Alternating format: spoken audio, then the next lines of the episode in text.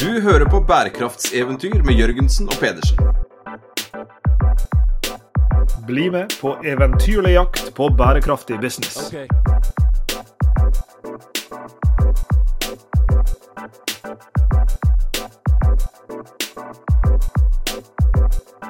Det er jaggu hyggelig å få spørsmål, Sveinung.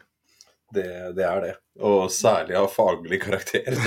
ikke sant? Og her kan det kanskje passe å snike inn eh, at hvis noen av våre lyttere har sendt e-post til eventyret.jorgensenpedersen.no i det siste, så eh, er ikke det at vi ikke har hatt lyst til å lese e-posten, det er at vi har mista tilgang midlertidig til denne innboksen. Så vi skal snart få eh, grave oss inn igjen i det hullet og, og finne de e-postene som nok ligger der. For erfaringsmessig så får vi en del e-poster fra lyttere, men nå har vi heldigvis fått en til uh, til nær sagt våre, våre private e-postadresser, Sveinung. Og det er fra en um, tidligere gjest som uh, har et veldig godt spørsmål. Hun hadde hørt på episoden vi laget for litt siden om som het så mye som 'Kraften i forretningsmodeller', hvor vi gikk litt bak dette her forretningsmodellbegrepet. Et, begrep mange bruker, eh, og et begrep mange har en idé om, og som, eh, som, som dere kan finne ut hvis dere går og, og lytter til denne episoden. Så, så, bretter vi det litt ut fra bedriften eh, og ser på det gjerne er et samspill mellom bedrifter, eh, og ikke bare bedrifter, men eh, ulike former for organisasjoner. Eh, og, og dette her må designes av noen. Og særlig når vi snakker om sirkularitet, f.eks., som vi snakker om ofte i denne podkastserien. Det hvor den enes avfall skal bli en ressurs for noen andre. Mm. Da er man ofte avhengig av et samarbeid på tvers av virksomheter eller organisasjoner. Og hun ba oss utdype mer om eh, forretningsmodeller for organisasjoner. og Ikke bare hvilken som helst type organisasjoner, men organisasjoner hvor gjerne medlemmene eh, mm. eier eh, organisasjonen, og, og, hvor organisasjonen skal fremme medlemmens interesser. Og Det var jo ekstra hyggelig med denne e-posten, fordi dette er jo fra en tidligere gjest. Eller det er teknisk sett ikke helt riktig, fordi hun har vært med i en tidligere episode, men den episoden var jo det vi som var gjestene. Eh, i Avfall Norge sin eh, podkastserie Sirkuler. og Det er altså Nancy Strand fra Avfall Norge som, som har sendt oss en mail. og Den eh, episoden hvis dere har lyst til å høre den, har vi reposta i denne serien som episode nummer 64. og Der snakker vi om sirkulærøkonomi og avfall. Men Nancy hun har altså nå tatt kontakt for å utfordre oss til å snakke om bærekraftige forretningsmodeller for organisasjoner generelt, og medlemsorganisasjoner spesielt. Og det gjør vi jo gjerne, Sveinung organisasjoner det er jo et, eh, et fagområde som, som, står våre hjerter nær. Vi, vi, jobber jo mye med organisasjoner rent praktisk, men vi jobber jo også med det kall det faglig sett. Og, en av grunnene til at organisasjonsteori er, er spennende, er jo at den forsøker å sette ord på eh, basert på data, basert på undersøkelser, men også konseptuelt forstå dette kaoset av menneskelig samspill. En sånn type sånn klassisk definisjon av hva en organisasjon er. Eh, det er å si at en organisasjon er et sosialt system bevisst konstruert for å nå mål. Og Det høres jo så tørt ut at du kan dø av mindre, men allikevel altså et sosialt system. altså Det består av mennesker. Mm. Eh, og det er altså mennesker og, altså Noen har konstruert det, noen har designa det på en sånn måte at det skal nå noen mål. og Bare ved, bare ved en sånn type definisjon som dette her, så åpner det seg mange ulike typer utfordringer um, knytta til hva disse målene er. Hvem er disse menneskene? Maktproblematikk? Vil den makten ligge formelt i strukturen, eller er det andre grupperinger innenfor eller utenfor organisasjonen som reelt sett har, har makten her? Eh, hvordan skal da organisasjonen struktureres? Vi snakker jo mye om det i denne podkastserien, altså mm. organisering av bærekraft, men mer også sånn generelt organisering. Vi har snakket om, om uh, bærekraftsjefens rolle. Hvor skal den være plassert i kall det hierarkiet i mm. Hva slags type myndighet skal ligge til denne rollen, hva slags type ansvar skal ligge til denne rollen, eh, osv. osv. Så, så, så organisasjoner her som fenomen, eh, og det som også er spennende med, med, organisasjoner som fenomen, når man snakker om et begrep, da, på et sånt konseptuelt begrep som en organisasjon, så strekker det seg langt utover en offentlig virksomhet, eller en privat virksomhet, eller en frivillig virksomhet. Vi snakker jo ofte om de tre f-ene. Eh, foretak, eh, som vi ofte jobber med, altså bedrifter, frivillige virksomheter. Det kan være Røde Kors, eller idrettsbevegelser og, og, andre ting som vi er opptatt av. Og forvaltning, altså disse offentlige virksomhetene som, som har ulike typer roller i samfunnet. Check it out.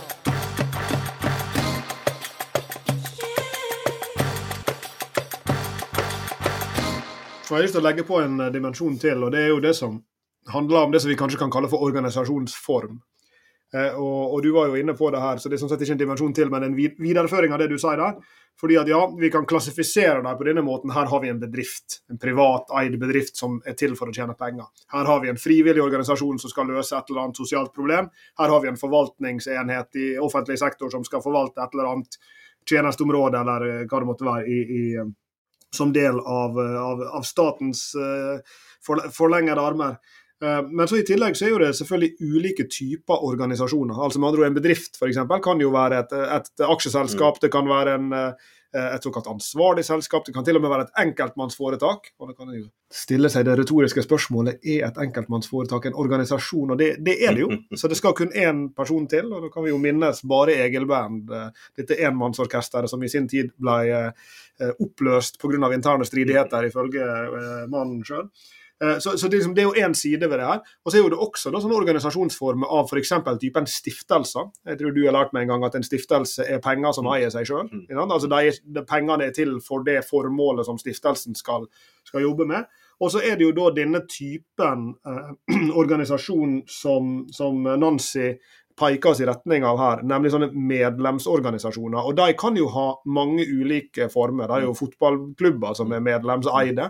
Det er medlemsorganisasjoner av typen eh, Det kan være NAF, eller det kan være tilsvarende. Det kan være eh, sånn eh, fagforeninger og osv. Det finnes jo mange typer organisasjoner som er til for å ivareta interessene til et sett mm. medlemmer. Og det kan være sånn direkteinteresse, type du er medlem i en organisasjon som skal hjelpe deg å få bedre vilkår på jobben og høyere lønn og sånn, men det kan også være medlemmer som mer generelt har eh, omtanke for eh, miljøet, mm. eller som ønsker at samfunnet skal bevege seg i en eller annen retning osv. Og, og det er jo disse typene medlemsorganisasjoner Nancy peker i retning av.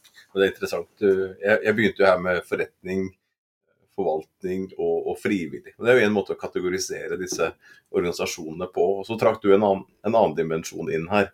Eh, altså måten de sånn juridisk sett er ja, strukturert, eh, mm. eller man skal, hva man skal kalle det, eh, med et aksjeselskap kontra et allment aksjeselskap kontra et, eh, en, en, et kooperativt, eh, ikke sant. Mm. Um, og så, så, Det viser jo bare to ulike måter å se på organisasjonen som, som, fenomen. Og så snakker vi ofte om forretningsmodeller. Da. Og en sånn medlems... Og det kan jo på en måte bringe inn andre dimensjoner i måten å forstå disse organisasjonene på. Eh, det diskuteres jo veldig mye i organisasjonslitteraturen om dette med åpne, altså organisasjonen som et åpent eh, system hvor du både har disse interne interessentene, de som er ansatt der, de som har en kontrakt med virksomheten, som, som, hvor de bytter bort sin tid, eh, i bytte mot eh, at de forplikter seg til, til å gjøre oppgaver. Eh, og Så får de lønn tilbake og andre, andre goder tilbake. Eh, og De blir ofte sett på veldig sånn spesielt i en organisasjon. Og så er det jo disse her medlemseide organisasjonene, sånn som, som, du snakker om her, Lars Jakob, som da skal fremme noens uh, interesser. Mm. Uh, og Det er jo da en interessent som ikke er ansatt i virksomheten, men er et veldig sånn tydelig mål. Og Her kan det jo komme sånne type målkonflikter mellom en, en, en, ledelse i en sånn type organisasjon som ser på verden på én måte, som har mye tid, som, som, kanskje jobber med lobbyvirksomhet, eh, som har mye, dedikert mye tid til å forstå dette her, mm. kompleksiteten i det. Eh, og hvor kanskje medlemmer vil ha et litt annet syn på hva denne organisasjonen bør gjøre, eh, og hvordan de bør forvalte da den ressursen de får tilgang på, eh, den, eh, om det er penger, legitimitet eller hva disse lederne får. Eh, så jeg regner med at det er en del sånn agent-prinsipal-problemer her mellom interessentene i, i de, den type organisasjoner, hvor det kan være berettiget at, at ledelsen sier at nei, det vi jobbet for før, den måten som våre medlemmer ser verden på, det, det er ikke nødvendigvis den måten medlemmene våre bør se verden på. Eh, ledelsen kan da ta feil, Mm. eh, men de kan jo også, fordi at de bruker mer tid på det, eh, ha kompetanse på de spesialområdene, jobber tett med andre interessenter igjen utenfor virksomheten i lobbyarbeidet sitt, f.eks., kan da fange opp at det er andre nyanser, andre måter å fundamentalt forstå verden på, som gjør at de må bevege seg videre. Og, her står jo da denne ledelsen vil jo da stå i en konflikt. I det øyeblikket det er en medlemsorganisasjon hvor det da betales kontingent. Um, hvis de da går på tvers av medlemmens interesser, så vil de oppleve det hver gang det er uh, idrettsting, hadde jeg nær sagt, og det skal velges et nytt styre. Mm. Uh, på tvers av de ulike grenene i, i, idretten, eller om det er i andre settinger hvor det er generalforsamling, uh, og hvor det er en valgkomité, og hvor da sittende styre og sittende ledelse vil bli utfordret av dette her. Så, så, hvordan innovere i den type selskaper? Mm. Hvordan da hvis jeg går tilbake til grunndefinisjonen, som går på tvers av frivillig og forvaltning og, og, og forretning, går på tvers av et AS og et uh, kooperativ. Mm. Det er et sosialt system, bevisst konstruert for å nå noen mål. Ja, og disse målene i vår tid ofte henvist til som purpose, og det står jo i definisjonen hvis du går i faglitteraturen og ser på hva er en membership organization for noe, en medlemsorganisasjon, så er han som regel, som det står, eh, organisert rundt et bestemt angitt purpose. Et eller annet mål som en skal, skal jobbe for. Og det, det, kan være spesifikt, men det kan også være et litt sånn større medlems, Medlemsorganisasjonens Bergen, Bergens vel skal jobbe for at befolkninga i Bergen har det så bra som mulig. Det ville være et eksempel på en veldig, veldig eh, vid purpose for en sånn type organisasjon, mens eh, oljearbeidernes eh, interesseorganisasjon kan ha som et formål å opprettholde oljearbeidsplasser, f.eks. Konstruere ei veldig stilisert, da. men du, du, forstår poenget. At purpose kan være det kan være, det kan være hvitt, og det kan være snevert. Og Der får du en sånn type legacy-utfordring av og til. fordi det er klart at, at noen typer eh, målsettinger, noen typer i hermetegn purpose, kan jo på en måte gå litt ut på dato. Dette problemet har jo du også i stiftelser, legat og fond osv.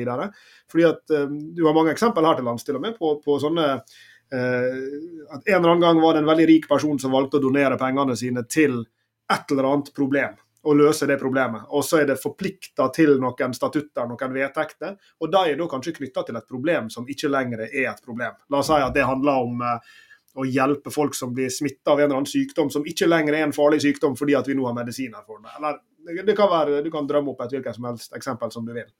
Men den typen legacy-utfordringer det, det, tror jeg du vil ha i mange sammenhenger. fordi eh, jeg kan forestille meg at det som Nancy peker oss i retning av her, er medlemsorganisasjoner som kanskje i et grønt skifte eller sirkulært skifte er liksom forplikta til det, mer gammeldagse måter å drive butikk på som ikke nødvendigvis er så grønne eller ikke nødvendigvis er så sirkulære. Det kunne vært ting som hvor teknologi endrer området som, som en medlemsorganisasjon jobber innenfor, eller helt andre ting. Og Da vil jo det ofte være et problem å ha en organisasjon, dette sosiale systemet som skal jobbe mot et mål, hvis jeg husker det rett, mm -hmm. at dette målet på en måte er anakronistisk. At det, om ikke er gått helt ut på dato, så er i alle fall kanskje ikke helt er fit for purpose for hvordan verden ser ut i dag. Se på avfallsbransjen. Da. Vi har jo diskutert det mye, mye før. Eh, hvis vi sammenligner det med mobilitet, da.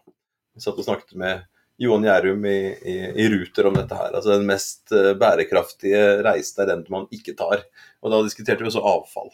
Eh, hvis man da skal definere ut avfall, eh, hvor man ideelt sett bør betales for å, for, å, for å, hjelpe kundene til å ikke generere eh, avfall. Ikke bli betalt for hvor mye avfall man da henter. Si at man har et forbrenningsanlegg, da, f.eks., eh, som eh, henter opp eh, avfall som vi ellers ikke har noe eh, fornuftig eh, anvendelse av. Og, brenner dette her kontrollert. Kan fange opp CO2-en og lage elektrisitet av det og tjene penger. og Hvis du da skal da representere et, et fellesskap da, uh, hvor man har tjent penger på en viss måte tidligere. Vi snakket jo med Osmundsen, og tidligere direktør i, i, i Norsk Gjenvending, som, som hevdet det at når han gikk inn i den bransjen og så på alle de aktørene som tjente gode penger på skrap, som, kobber, og som tjente veldig gode penger på at man hadde en viss anvendelse i dag men av, av en, en, en, en, ressurs, en, avfallsressurs, men hvor, hvor man burde uh, slutte, da. Dette det er ikke miljøvennlig. Det, er ikke, det, er, det, det kan være ha, korrupsjonsproblematikk knyttet til det. Det kan være andre typer praksiser. Men tenk på dette med, med en avfallsbransje som er låst kanskje i en, i en verden hvor avfall er det man tjener penger på. Mm. Hvordan skal en medlemsorganisasjon da, på tvers av land f.eks. fremme da en helt annen måte å tenke på, eh, hvor man går fra forbrenning, deponering mm. eh, til mer sortering, kanskje en form for sortering som vil være dyr, eh, hvor man da vil kunne sitte på, på, ressurser som ikke nødvendigvis kan selges i et, eh, et marked, men hvor da de som er satt til å lede denne organisasjonen på vegne av medlems, eh, medlemmene, eh, som jeg sa i sted, da har annet syn på verden. Galt eller riktig, men det kan være eh, at de vil jobbe for å fremme ny teknologi, fremme en form for regulering mm. som kanskje vil ødelegge for noen av medlemmene.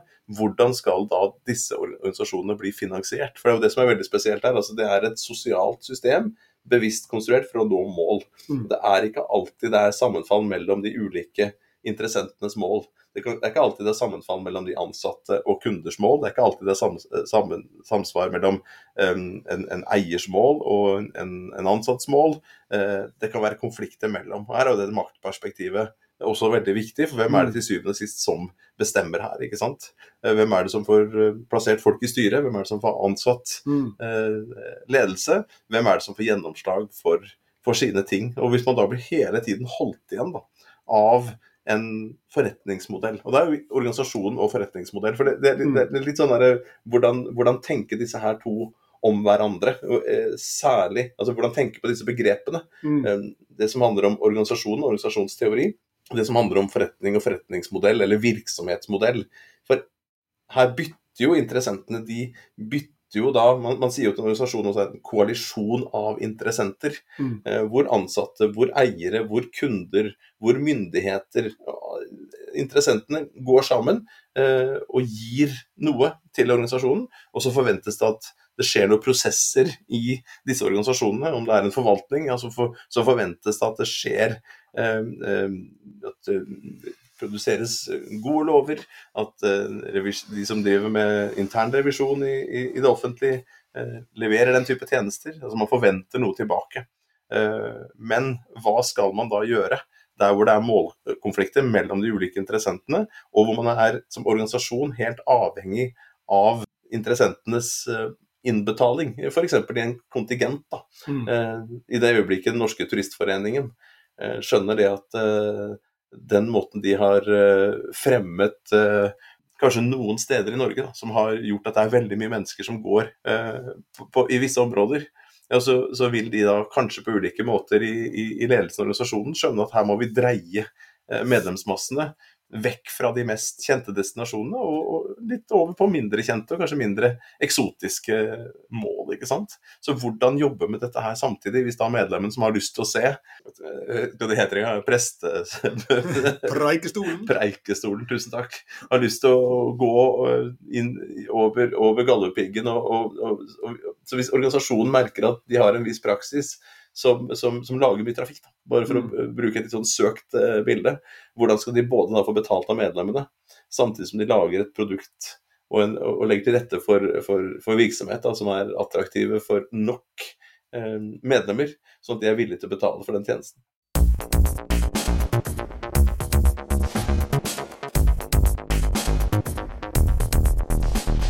Kommer du inn på noe som er viktig her i Du var inne på mange spennende ting her, og en ting som du introduserer, er jo et slags sånn kall det økosystemperspektiv. Mm. Altså at disse ulike organisasjonene, eh, bedriftene og det kan være fagforeningene rundt, det kan være andre typer interesseorganisasjoner, det kan være offentlige forvaltningsinstitusjoner. Det kan være, kan være mange ulike aktører det som, som samhandler, eh, og, og, hvor nær sagt eh, dette forsøket på å få planetene til å stå på rekke, til å få disse interessene til å henge sammen, eh, er noe av, av den dansen. ikke sant? Og, og Eh, jeg tok liksom det negative perspektivet i stad, i betydninga når en interesseorganisasjon kan være en bremsekloss. La oss si at det er behov for en betydelig omstilling i en bransje. Så vil da f.eks. en interesseorganisasjon kunne forsøke å, å mot det. Vi kunne sett for oss at det var overgangen til eltransport, og så er det en interesseorganisasjon som prøver å holde en tilbake igjen med, med mer eh, fossile biler eller lastebiler, eller hva det måtte være, f.eks. Andre ganger så kan jo vi tenke på det motsatt, at kanskje er disse medlemsorganisasjonene et viktig korrektiv for det som i noen tilfeller kanskje kan være bedrifter sin litt for sånn overivrige omstillingsønske. Altså at en holder igjen. Det kan være på, om det er på tariff og lønn, om det er på arbeidsforhold eller hva det måtte være. At her er det liksom noen saktegående tannhjul her som holder de litt sånn hurtiggående tannhjulene litt mer i sjakk. Så det er liksom en sånn samhandling mellom interesser her som blir så viktig. Som du sa, skal, skal, organisasjoner fungere, så fungerer de som en koalisjon av interessenter. Mm. Som veldig ofte Du brukte ordet makt, du brukte ordet konflikt. De, de, kan være uenige om ting, de kan ha dels ulike mål, men de har tilstrekkelig felles interesse til at de finner løsninger som alle kan leve med. Ja? Så det er jo et element også av, av kompromiss da, i måten organisasjoner av ulik form og farge og, og karakter skal, skal samhandle. Eh, så, så her er det noe sånn ja, innovasjonsbehov på ene sida, ting må endre seg. Og så er det kanskje et sånn bremseklossbehov på andre sida. At, ja, den skal også eh, nær sagt porsjonere ut og, og bremse litt. Grann, eh, disse tannhjulene som går fortere og fortere. I, eh, Nancy, i, i, i spørsmålet sitt her så, så, viser du også til organisasjoner som går på tvers av land. Eh, hvor du har ja, litt sånn forenklet nord, rike, sør mindre rike, men uh, som jobber med én felles interesse. Mm. Uh, og man skal finne en kontingentmodell. Og Det er verdikapringslogikken her ikke sant, mm. fra virksomhetsmodellen. Man, man, er altså avhengig av inntekter, og så kan man da, skal man lage en rettferdig modell på tvers. da. Og hvis de kall det de rikere landene, eller en organisasjon som også trekker fram her, hvor, en, en, hvor, hvor, hvor um, rikere bedrifter betaler mer, og så står man da i fare å bli så avhengig av den ene bedriften sånn at man blir et, et talerør mm. for den ene bedriften. Eh, noe man er helt avhengig av som organisasjon. For i denne målbildet da, så er den virksomhetens mål blir så mye viktigere enn de andre, og organisasjonen blir så avhengig av det fordi at man har, denne organisasjonen betaler såpass mye til denne organisasjonen. Eh, og Da skal man gjerne fremstå da, som en organisasjon, en sånn type medlemsorganisasjon skal jo gjerne fremstå som ja, rimelig sånn objektiv, den skal være nøytral, ikke sant. Mm. Men, men, men, så kjenner man da på at jo, her blir man faktisk trukket i en, en retning, i, i, retning av den som har finansiert det. Og, og, hvordan kan man da som organisasjon frigjøre seg fra det? Man klarer ikke å frigjøre seg fra behovet for penger. Eh, skal man da finne en, en, rik onkel? Skal mm. alle sammen uh, skrive lange søknader til, til Bill Gates Foundation mm. um, og håpe på at det ikke er noen strings attached når disse pengene kommer? For du kan gjøre akkurat hva du vil for den gode saken etterpå. Uh, så, jeg, så, jeg, skjønner godt at det er jo ikke et enkelt liv internt i sånne virksomheter. Hvor du er avhengig av pengene, du er avhengig av støtte, men du vil ikke at noen av medlemmene, som da gjerne på en, av en eller annen grunn betaler mer, skal også ha mer å si eh, i, i, i virksomheten. Ja, for ja, De facto så kan jo det bli det motsatte som skjer. Jeg minnes en gang vi satt uh, i en annen etasje av uh, eh, NHH enn der vi sitter nå, uh, sammen med fire internasjonale partnere som vi hadde et prosjekt sammen med fra, som var finansiert fra en organisasjon som vi alle sine, sine da, handelshøyskoler eller universitet var, var tilknytta, og dermed kunne Eh, hente funding fra. Og Da husker jeg en kollega av oss som skal få lov til å forbli anonym, og landet han kommer fra skal også få lov til å bli eh, anonymt. Men det er et land med betydelig Når du sier det sånn, så føler jeg på en måte at du sier det til meg. ja, det var ikke det vi snakka om nå. Nei, men mer sånn Sveinung. Nå skal oh, ja, vi ikke sånn. si det. Nei. Nettopp. Oppfør deg fint nå, Sveinung. Ja, for en gangs skyld. Jeg, jeg, setter veldig pris på at du, at du, sier det i så fall. Mm. Du sier det på en veldig fin måte. Og så tror jeg det er mm. fornuftig at du gjør det. Det er ikke sant. Eh, og Det som, eh, som, jeg da henviser til her, er en kollega av oss fra et land med, med betydelig lavere kjøpekraft enn landet vi hører hjemme i. Og det som han mer eller mindre eksploderte over rundt bordet, og jeg skjønner han godt, det var at uh, den delen av prosjektet som han og hans kollega skulle utføre, de fikk jo mindre penger for sin jobb enn det som de andre aktørene fra de rikere landene uh, som var representert i dette samme konsortiet, skulle få. Og Det er jo da fordi at det er en funksjon av eh, det som det lønnsnivået i de landene. Og, og, da kan du si at I en slik situasjon så forsterker en jo de allerede eksisterende skillelinjene ved at en gir mer penger til de rikere aktørene og mindre til de mindre rike aktørene, fordi at det skal være proporsjonalt til kostnadsnivået i de ulike landene. Og Det er jo et sånt eksempel på da hvor på en måte strukturen i en sånn sammenslutning, en sånn type organisasjon som dette her, med aktører som kommer fra mange ulike land, eh, så går ting som det jo ofte gjør i denne verden, i favør av de som allerede er, er, er rike og sterke, og altså ressurssterke.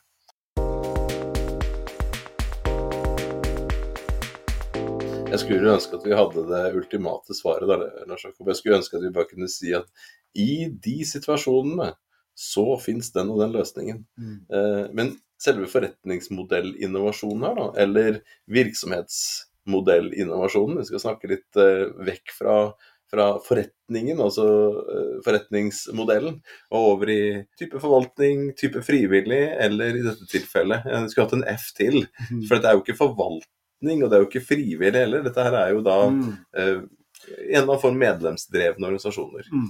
Eh, så kreves det jo da en forretningsmodell innovasjon. Det kreves en innovasjon med hensyn til hvilke vedtekter de skal ha, hvem de skal være til for, eh, og hva, hvilke verdier de skal eh, fremme. Eh, altså hvordan eh, skal på en måte det strategiske ståstedet, eller plattformen til virksomheten være.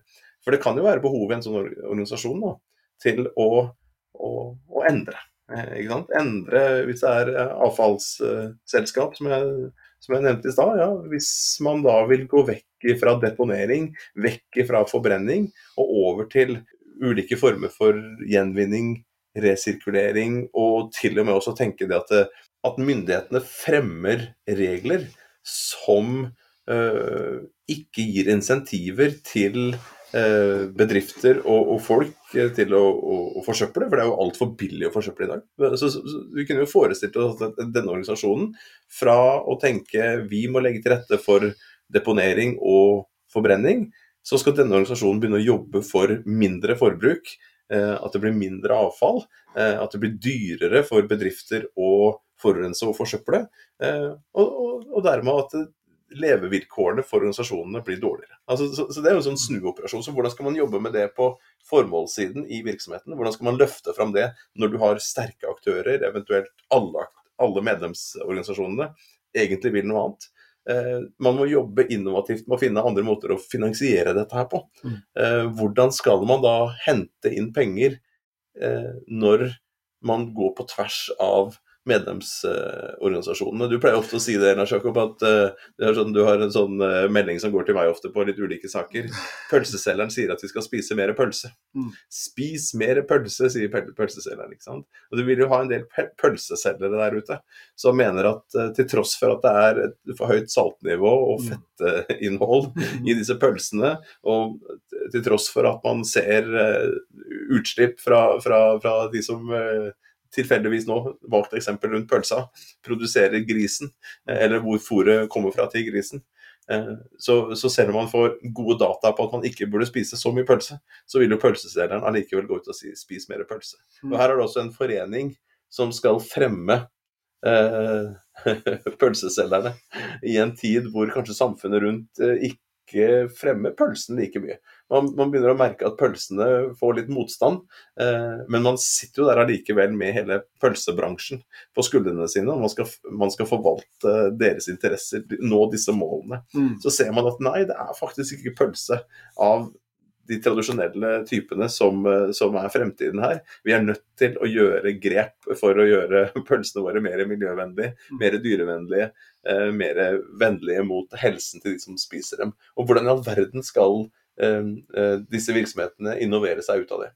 Og Her er du inne på noe som er et veldig, veldig spennende problem eller en utfordring da, for, for, organisasjoner som er organisert rundt å ivareta noen medlemmer sin interesse. fordi det er jo minst to problemer. Eh, hvor det ene kan være at kortsiktig og direkte kan en gitt medlem mene at det beste for meg ville vært at vi gjorde X, mens i et større bilde for den totale medlemsmassen kan det være bedre at en gjør noe annet. Eh, og Det er jo en sånn eh, balansegang som en medlemsorganisasjon er nødt til å håndtere. at Det er ikke gitt at den enkeltes interesse og kollektivets interesse nødvendigvis er det samme. Eh, Så det er jo en sånn type utfordring som en, eh, som en eh, må forholde seg til. Og så en annen en. Kanskje burde vi spise mindre pølse. Altså, kanskje ville det vært bra for deg å spise mindre pølse, for å fortsette med pølsemetaforen din. Altså med andre ord når kan en interesseorganisasjon og nå er vi nesten inne i litt sånn her uh, Thaler og Sunsteinsk uh, paternalisme her. Altså, Når kan en interesseorganisasjon mene at vi ser utviklingstrekk komme nå som gjør det formålstjenlig å endre oss raskere til rammebetingelsene eller omgivelsene som våre medlemmer kanskje ikke er enig i på kort sikt. Ja. Og det kan være, Vi brukte eksempel i stad med biler og mobilitet. Det kan være for um, arbeiderorganisasjoner innenfor en bestemt bransje, hvor en ser i horisonten at her er det ganske store omstillingsvinder som blåser, og, og vi må tilpasse oss dem. Eller det kan være helt andre ting. Eh, og Det er jo et sånt interessant spørsmål. Hvor langt kan og bør en medlemsorganisasjon og en interesseorganisasjon gå i å, å være liksom storebror eller bestefar, altså paternalistisk, styre virksomheten i en retning som kanskje, enten det er på kort sikt, eller det er i en veldig sånn direkte forstand, kan være på kollisjonskurs med det som medlemmene sjøl opplever som å være sine sterke interesser her og nå.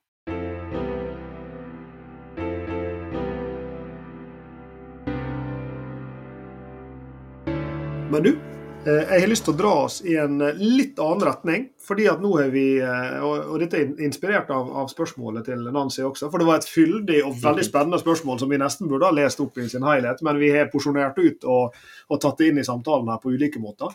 Um, og, og det, det spørsmålet det, det dreier seg om um, organisasjoner som ikke nødvendigvis er sånn direkte interesse for én og én medlem på den måten som vi snakker om nå. For alt, alle eksempel som, som vi har, har snakka om så langt, har vært litt sånn um, eh, hvor, vi, hvor vi kan se for oss at dette medlemmet vi snakker om, er et menneske. Eller at det er en person. Eh, men det finnes selvfølgelig også en annen type eh, organisasjoner som har lignende karakter, men hvor medlemmene f.eks. kan være bedrifter. Eh, og Da er det ganske lett å tenke på et framtredende eksempel i Norge i dag, er jo alle klyngene vi har. Eh, Men det finnes også mange andre typer sammenslutninger av organisasjoner hvor en aktør da skal være som en slags paraplyorganisasjon for mange andre. Så Det kan være en, en klyngeorganisasjon for bedrifter i, eh, i maritim sektor som skal uh, omstille seg, eller det kan være uh, for den del et slags NHO eller Abelia eller hva det måtte være. Og Der åpner det seg en, en helt ny sekk av, av eh, spennende utfordringer i, i den typen organisasjoner, som både handler om ja, hvordan skal disse best ivareta de kanskje enda mer heterogene interessene til disse bedriftsmedlemmene. Mm. Men ikke minst er det en spennende dimensjon av dette som jeg og du har snakka mye om opp gjennom tidene. Hva skal slike virksomheter gjøre for å vi, bli levedyktige over tid? Hvis de skal det, eller skal de være en prosjektorganisasjon som eksisterer i en periode, og så skal de seile inn i evigheten, eller ri inn i solnedgangen som en cowboy med sigaretten i munnviken? Vi kan jo tenke tilbake at det har vært mange sånne organisasjoner som har fremmet eh, teknologier og produkter, eh, tjenester som vi ikke, ikke har rundt oss lenger i dag. Altså, jeg vet ikke om det, det er jo rent spekulativt, men det er sikkert organisasjoner som fremmet uh, at man skulle kunne røyke inne på offentlige plasser. Liksom. Altså, Ja, du, jeg var faktisk en kort periode daglig leder i den. Nei, det var å dra det litt langt. Altså. Men det, var sånn der, det, er, det er vel um, også sånne industrier som har vært kjempeviktige. Seilbåtenes. Ikke sant? At jo, vi må satse på seilbåter. Ikke sant? Eller eh, så har det vært en tid for det. Ikke sant? Altså sånn, eller uh, de som eh, Hest- og kjerresjåførenes landsforening. Du nevnte fossil eh, brensel på biler. ikke sant? Det har jo vært organisasjoner, og er jo organisasjoner hvor med, mange medlemmer forventer at det er det denne organisasjonen skal, skal fremme, altså den interessen som skal fremmes. Du, du sa at det, er, at det er, her er det bedrifter som er medlemmer, ikke nødvendigvis eh, personer. Altså sånn, eh, så så en, en ting er eh, personene, men så er det bedrifter. Men, men det også er jo sosiale systemer hvor det er mennesker. Ikke sant? Så man, man kommer seg ikke unna mennesket, selv om det er bedrifter som er, eh, er, eh, er medlemmer her. Så hvis vi tar en titt da, Lars Jakob, på disse interesseorganisasjonene som skal fremme bedrifter og andre organisasjoners uh, interesser, så vil du ha mange av de samme utfordringene der. Du vil jo ha maktproblematikk, det vil være hvem betaler, uh, det vil være hvilke saker er det som får gehør til hvilken tid, det vil være ulike syn på hva slags type teknologier mm. som vil bli viktig i framtiden. Uh, tenk i sånne ja, perioder med digitalisering, f.eks. Mm. Altså tidlig i, i digitaliseringsperioder um, så er det vel mange bedrifter som har kalt det jobba mer analogt. Jobbet for å fremme de trykte tidsskriftene, avisene, uh, som har, har jobbet for, å, for, at vi skal kunne ha telefonkataloger over tid. altså sånn, mm. ja, så, så, har det vært bedrifter der også. og, og noen organisasjoner som, som da har sett eh, noen medlemsorganisasjoner som har sett at her har det vært et behov for å, å endre noe. Og de, de, vil jo ha mange av de samme problemene, tenker jeg, da, som en der hvor det er rene medlemsorganisasjoner, hvor, hvor disse medlemmene er enkeltpersoner, som der hvor det er bedrifter som også er representert av eh, mennesker. Eh, noen pølseselgere, da. Eh, som, som, blir utfordret. Så, så, de vil jo ha de samme problemene med å å, å, lage en strategisk plattform og få gehør for det, og finne måter å, å bli finansiert på.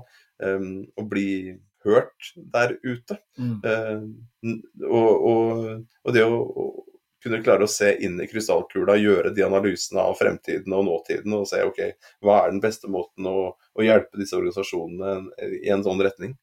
Ja, for du har jo noen typer organisasjoner som er meint å være overgangsorganisasjoner. Det beste eksempelet er kanskje sånn når det er midt mellom to presidenter i USA, så er det vel noe som heter sånn transitional government. Det er helt sikkert feil begrep. men det, det, er et team som sitter der og skal ivareta overgangen til det nye, den nye administrasjonen. Og når den er på plass, så opphører denne organisasjonen å eksistere.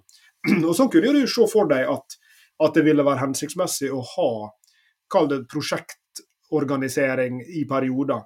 Og, og F.eks. når du tenker på sånne klynger. Nå, nå uh, er dette ikke et argument mot klynger, men du kunne sett for deg at klyngene sin funksjon skulle være tidsbegrensa. Altså og, og, slik er jo finansieringa ofte for klyngene. At et, uh, Innovasjon Norge og Forskningsrådet er det som, som uh, samfinansierer dette. her, og Det gjør de jo bare i en periode. Og Da må en med andre ord enten tenke at den perioden er perioden klyngen skal eksistere, og så etterpå så skal bransjen ha organisert seg i en viss forstand sammen uten, klynge, uten behov for en klyngeorganisasjon videre. Eller så skal klyngeorganisasjonen ha funnet andre inntektsstrømmer som gjør at den forretningsmodellen til klyngen blir eh, nær sagt levedyktig av seg sjøl. Det kan være at medlemmene i klyngen da begynner å betale mer for medlemskapet fordi at de opplever at medlemskapet i klyngen gir dem den merverdien. Eller så må klyngen finne andre typer inntektsstrømmer. Skal de arrangere konferanser eller frokostseminar, eller skal de drive kursvirksomhet, eller skal de hva, hva nå enn måtte være. Um, og dette er jo et sånn i, i uh, en annen grein av organisasjonsfaget så kan en lese om såkalte gylne fallskjermer. Det er jo et av de virkelig misforståtte konseptene i, i uh, i, i økonomifaget. fordi en har jo begynt å tenke på dette nesten som en sånn ting som enhver leder som får sparken, skal få med seg en, en fallskjerm. Men ideen opprinnelig bak den gylne fallskjermen var jo at det skulle løse insentivproblemet, som du sa i stad. At hvis en leder f.eks. inngår i en fusjon med et annet selskap, som gjør at han mister eller hun mister sin stilling som direktør, så skal en da få denne fallskjermen. Slik at en ikke liksom holder fast på det gamle i strid med organisasjonen sin interesse, fordi en burde fusjonere, men da får du en payoff i form av en gyllen fallskjerm etterpå. Det var jo poenget. Og Det er for å løse dette insentivproblemet. Og, og Du kan jo dra parallellen her til en klyngeorganisasjon eller hvilken som helst annen sammenslutning. at de vil jo ha et sånn selvoppholdelsesbehov. Når en organisasjon finnes, så er det på en måte som om at han ønsker jo i en viss forstand å leve evig. Ja. Eh, men kanskje burde noen organisasjoner ikke gjøre det. Det er jo en sånn tricky diskusjon rundt eh, hva er organisasjoner til for. Men det er vel i de øyeblikkene det er lett å, å bli fascinert av uh, markedsøkonomien. Mm. I den rene form som vi ble utdannet i gamle dager Lars Jakob, som, som gode siviløkonomer. Jo da, det ble også sett på andre former for organisasjoner. Kanskje ikke så mye forvaltning, eh, mm. og ikke så mye frivillig, kanskje mest på ulike typer uh, forretninger. Altså det du var inne på her med familieeide eh, de internasjonale store kontra de små. Mm. Eh, Men med et sånt litt sånn forretningsblikk, det må vi innrømme som eh, bedriftsøkonomer, så er jo det måte, i, eh, i, eh, i, i grunnpakka her. Men det er jo interessant da, å se på eh, hva slags type mm, alternative virksomheter kan vi da forestille oss eh, med andre type utfordringer, andre type dynamikker Mm. enn en de som er i en eh, i, i, forretningen, men det som er det, det gode med forretningen. Da. Mm. Eh, altså sånn, apropos det å bli liksom, betatt av markedsøkonomien her. Eh, når det var seilbåter, eh, når det var hermetikkindustri. Eh, nei, så kom det ferskvarer, det kom kjøleskap, det kom, eh, det kom ny teknologi som gjorde at vi ikke nødvendigvis eh, Det var så attraktivt med hermetikk lenger. Og da har vi i grunnteorien, den kapitalistiske grunnteorien, altså, den heter jo da at nei, da skal man jo ikke lenger drive med dette. her. Da skal man legge ned seilvirksomheten hvis man ikke lager et annet museum og noe skoleskip. ikke sant? Da skal man legge ned eh, hermetikkindustrien, eh, og så skal man heller la de hendene og hodene som jobbet der, kan få lov til å jobbe da i den, den nye fremvoksende eh, industrien, ikke sant? Eller industrien eller tjeneste, tjenesteområdene. Så har vi en økonomi i Norge hvor veldig mange av, disse har blitt ansatt i det, i det offentlige. Og, og, det offentlige har jo ikke de samme mekanismene der. Og disse her medlemsorganisasjonene har kanskje heller ikke de samme sånn harde mekanismene som gjør at hvis ikke folk kjøper hermetikk lenger, eh, hvis ikke folk kjøper ideen til disse organisasjonene lenger, eh, så legges de ned. Ikke sant? Mm. Og så tenker man at nei, da er det ikke rasjonelt at, at, eh, at pels, Pølseselgerforeningen Mm. driver og pusher pølse lenger, da. Ikke sant? Her bør vi heller gå over til eh, andre typer produkter. Eh, kanskje litt mer grønnsaker på, på tallerken, eh, ikke sant. Eh, og at da denne originale pølseselgerforeningen eh, da ikke hadde livets rett. Men det vi ofte ser i disse organisasjonene, er at de vil lete etter etter, eh, etter måter å overleve på. At, Mm. at, at den der, og, og også de bedriftene, selvfølgelig, som de, som, de, som de representerer, vil jo jobbe så lenge som mulig. Eh, Så lenge de klarer å holde seg økonomisk flytende i en periode, så vil de kanskje jobbe hardt for å, for å få lavere skatt, f.eks., mer subsidier, tollbeskyttelser mot konkurranse uten, utenifra. Eh, Så vil de jobbe og jobbe og jobbe med å, å overleve. Eh, Men som du sier, på et eller annet tidspunkt så skal kanskje den der, kanskje denne markedsøkonomien burde ta litt over og si at nå er det nok. Nå er det nok for denne delen av, av, av organisasjonslivet. Her må det blomstre frem noe, noe helt annet.